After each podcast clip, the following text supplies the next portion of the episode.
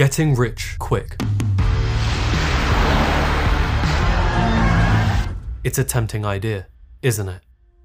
Here's my story. I'm on holiday with some good friends. I've got a little bit of money saved up and I lose the majority of it on that holiday. Reckless spending, breaking a phone, it's a whole other story, but I'm home with pennies in my bank account. And around this time, I was losing my passion for acting, something I'd been doing since I was a kid. And when you aspire to be an actor, you kind of just assume that you're going to be broke until you make it. But now, I actually needed money. I didn't have that mental safety net anymore. So I go on the internet and I start searching for things like how to make money online. I begin encountering these gurus, you know, the Tai Lopez's, the Grant Cardones, people who at any other point in time I would have considered sleazy at best. But I fell into this rabbit hole of desperation. These concepts like passive income or being your own boss were presented to me on a silver spoon and I ate it all up. I began to hate the idea of a 9 to 5. It was like admitting failure in life. These gurus sold me on a dream, a dream of getting rich quick, dangling it in front of me like a carrot on a stick, except it was an online course teaching me how to do it. I didn't know it then, but I was diving into the realm of get rich quick schemes. And do you want to know the twist? I got off lightly. I only got a taste of what the world of get rich quick schemes is like. They're very sly, they're very sneaky, kind of like snake.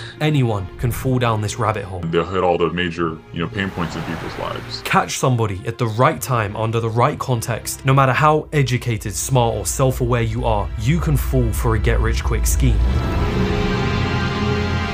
I'm pretty sure that's a pyramid. And the guy pitching would be like, no, it's a triangle. Presented with this opportunity that might get you out of the rubble and it's really manipulative.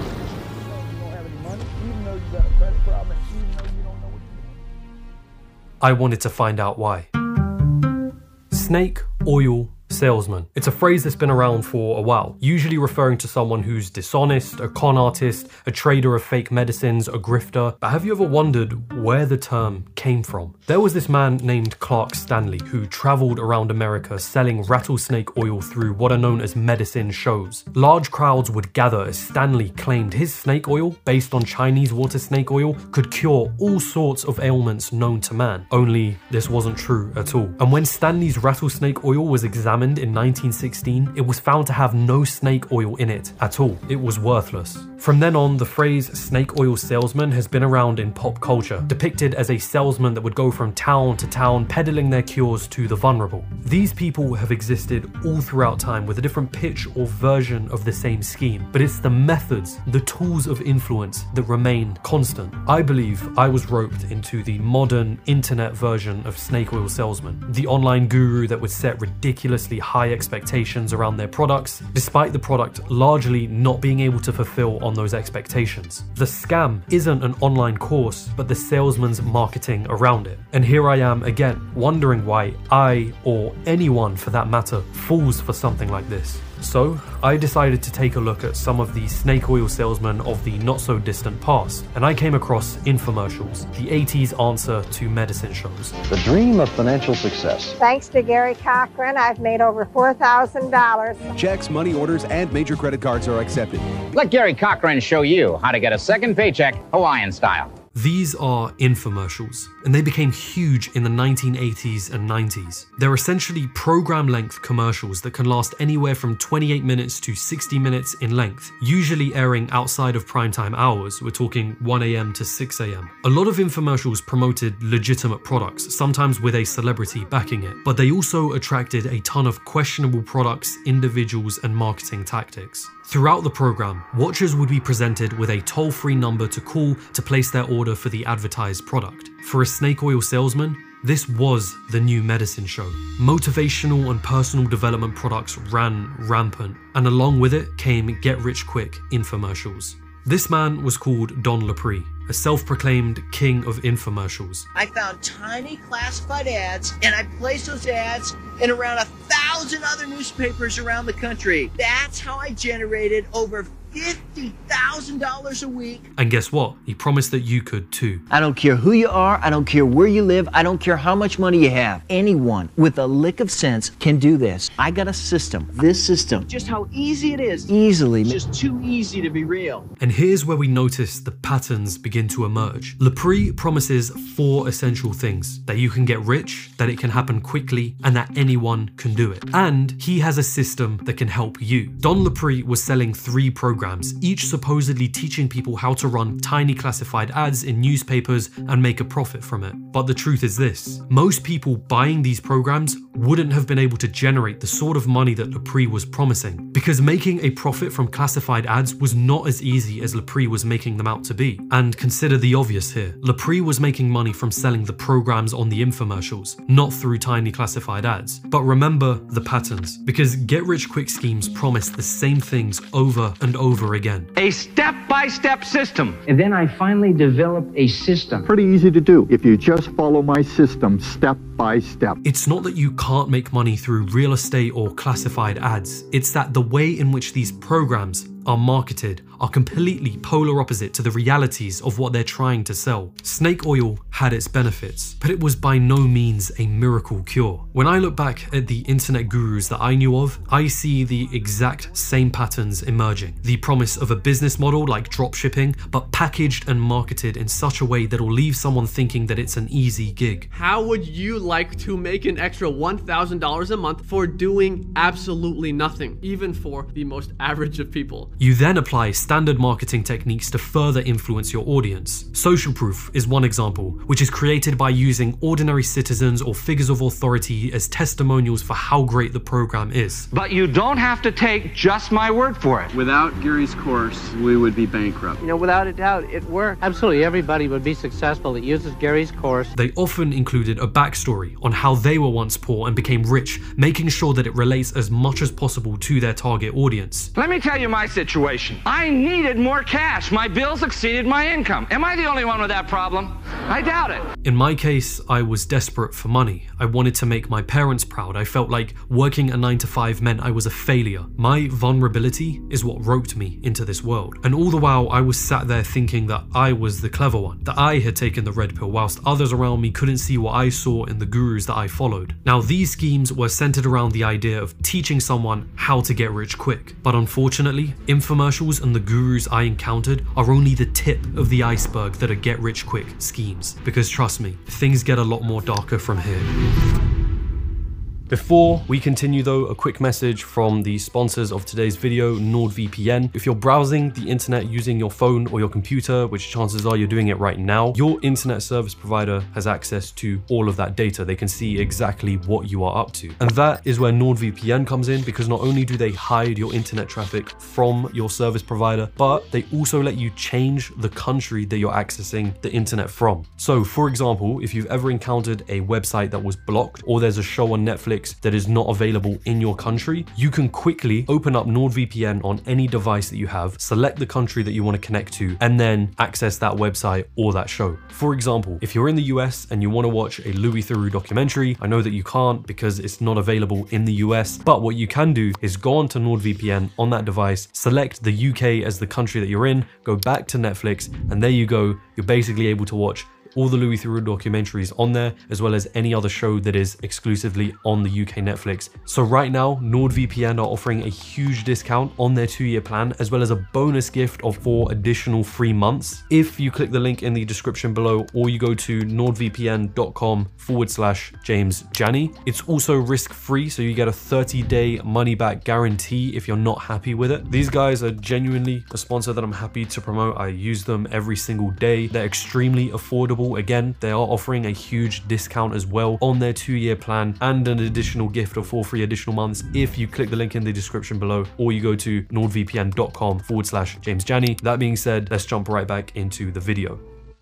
In the years of 2012 to 2014, an energy drink began to circulate across college campuses in the US. On the surface, Verve was marketed as a healthy alternative to energy drinks, but this drink was nothing more than a front for something much darker. Verve was created by the company known as Vemma, a multi level marketing company that used distributors to sell their products. And as a distributor, you could get a cut from selling Vemma's products. Even better, as a distributor, you could recruit other distributors and earn a commission from anything the distributors below you made. Blink twice and you'll miss what's going on here. See, Vemma wasn't focused on the selling of their products, they were more interested in recruiting more distributors. Across these college campuses, students were being messaged by friends about a business opportunity, which eventually led them into a room where they were pitched this opportunity. When you watch these pitches, you realize that this isn't about selling an energy drink, this is selling a dream. You can be 16 and make as much money as you want. You can be 85 and make as much money as you want. If you're sitting here tonight, you know, 14, 18, 23, this really is the greatest opportunity of your life. Vemma targeted high schools and universities, places where people were young, naive, trying to figure out what they wanted to do with their lives during a time in which their future was uncertain. I'm 19 years old and I'm kind of just like really looking for a direction. That was a hook for me. It was getting my parents out of poverty and setting myself up for the future financially. So the thing that they would pitch to is the reason that they would target college kids is that, and I quote, it's a replenishing market. Vemma was a pyramid scheme, which is another form of a get rich quick scheme. Distributors were told that the real way to make money in the company was by recruiting others, and new recruits would be told to do the same thing. Now, if one person recruited five people, and those five people each recruited five more, and so on and so forth. You can only keep this going for 14 levels before you run out of the population of the entire world. In this type of scheme, only those who get in right at the start make money, whilst the majority lose their money. And it's very likely that by the time you've heard about the scheme, you're already too late. Almost 90% of the recruits in Vemma were making less than $4,000 a year, and that's not including the money that they had to spend on buying the actual product. In truth, the majority of Vemma's young recruits were losing money. Vemma was a scam that operated in a cult like fashion to keep the recruits inside of the company. Some kids had even dropped out of college or ostracized themselves from friends and families and changed their entire social media presence to promote this company. The cult component of it, I think, really drives people to, to keep doing it. You're this circle of people that are doing what you're doing, and it's kind of like an echo chamber of the same stuff being said over and over again. But Vemma is one of countless MLM companies that are still around today, but they all seem to follow a similar pattern, relying on recruitment, over promising the results that one could get from the opportunity, and they rely on another trait, building a sense of community around the scheme. If all your friends are part of the same scheme, believing in the same things as you do, then it becomes harder to escape that echo chamber. In fact, there are social repercussions for not remaining in the scheme. Your world becomes the scheme. In fact, for those outside of the scheme, sometimes a fear of missing out is enough to pull you in. A huge reason that I fell under the influence of get rich quick gurus is that I had completely entrenched myself in that community. I read the literature they wanted me to read, their content consumed my feed, and most important was my lack of willingness to critically assess what I was being sold on until I started noticing these patterns continuing to emerge. The patterns in the pitch, the marketing, and actual results I and others around me were getting. And when I found out what I'd been falling into, I felt a lot of anger and shame.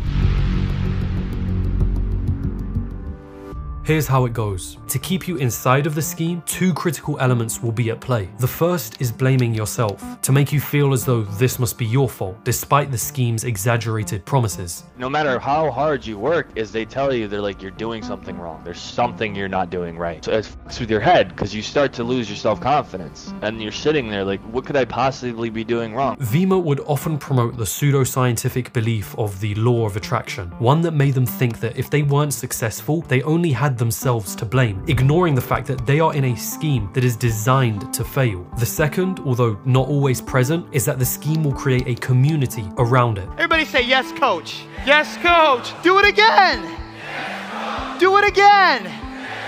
Specifically a community that is told to not listen to outside criticism, to distance themselves from those who are not inside of the scheme as well. We all belong in various communities, there's nothing wrong with that. But when that community specifically aims to cut you off from any outside opinions or criticisms, then it's a massive red flag. One aspect that makes cults so effective in their brainwashing is doing exactly that. They have an ability to control the information that the members are receiving, and all the information had to come from them. Outside opinion would be immediately discredited as haters or dream stealers. But let's pause for a second, because there's a slight problem with this deconstruction, and the problem is that many of these elements exist in legitimate products, businesses, brands, and influencers. Sometimes it's very easy to spot a get rich quick scam. Get rich quick infomercials are almost too easy to notice once you understand the rhetoric and the promises that these schemes typically make. But other times it's harder to distinguish. Not every person selling a course is promoting a get rich quick scheme. My system for distinguishing the good from the bad is by first looking at the expectations that are presented in the packaging. Do these expectations seem realistic? Who is the person and company behind it? Does a Google search of that individual or company result in incriminating information, poor reviews, or red flags? Does the marketing use social proof, scarcity, or any other tactic in a disingenuous way? For example, is the live webinar that they are promoting actually pre recorded? Are they claiming to have a limited time offer when in fact that offer has never been changed? But when that timer hits zero, everything I've talked about here today comes off the table. Recognizing the common marketing techniques being used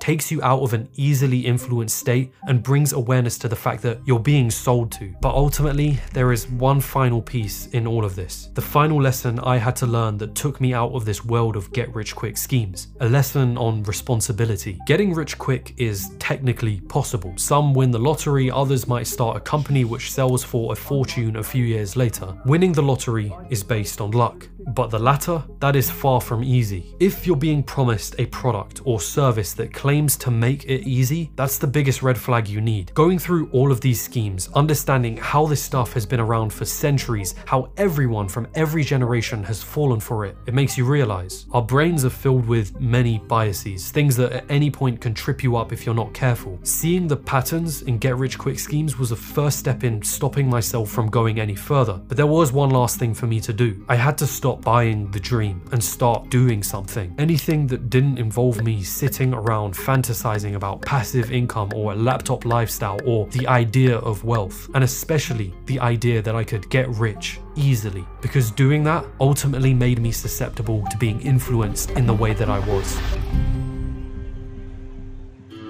Hello, my friends, and thank you for watching. The good ending to my story is it eventually led me to you. You know, I learned how to edit videos. I kind of combined some skills I learned when I was doing acting, and I brought something to YouTube that I felt might be different. So I definitely owe it to all of you that continue to stick around and, and watch my content. If you want to see more, hit the subscribe button. It's totally free, but I promise to bless your feed with only good content. I've also got a Patreon where I do Q&As, I do video editing tutorials where I break down some of the effects that you might see in the videos. The link for that is in the description below. That is probably one of the best ways that you can support the channel if you're so kind as to do so. That all being said, as always, my friends, I look forward to seeing you in the next video. Hand to head, salute.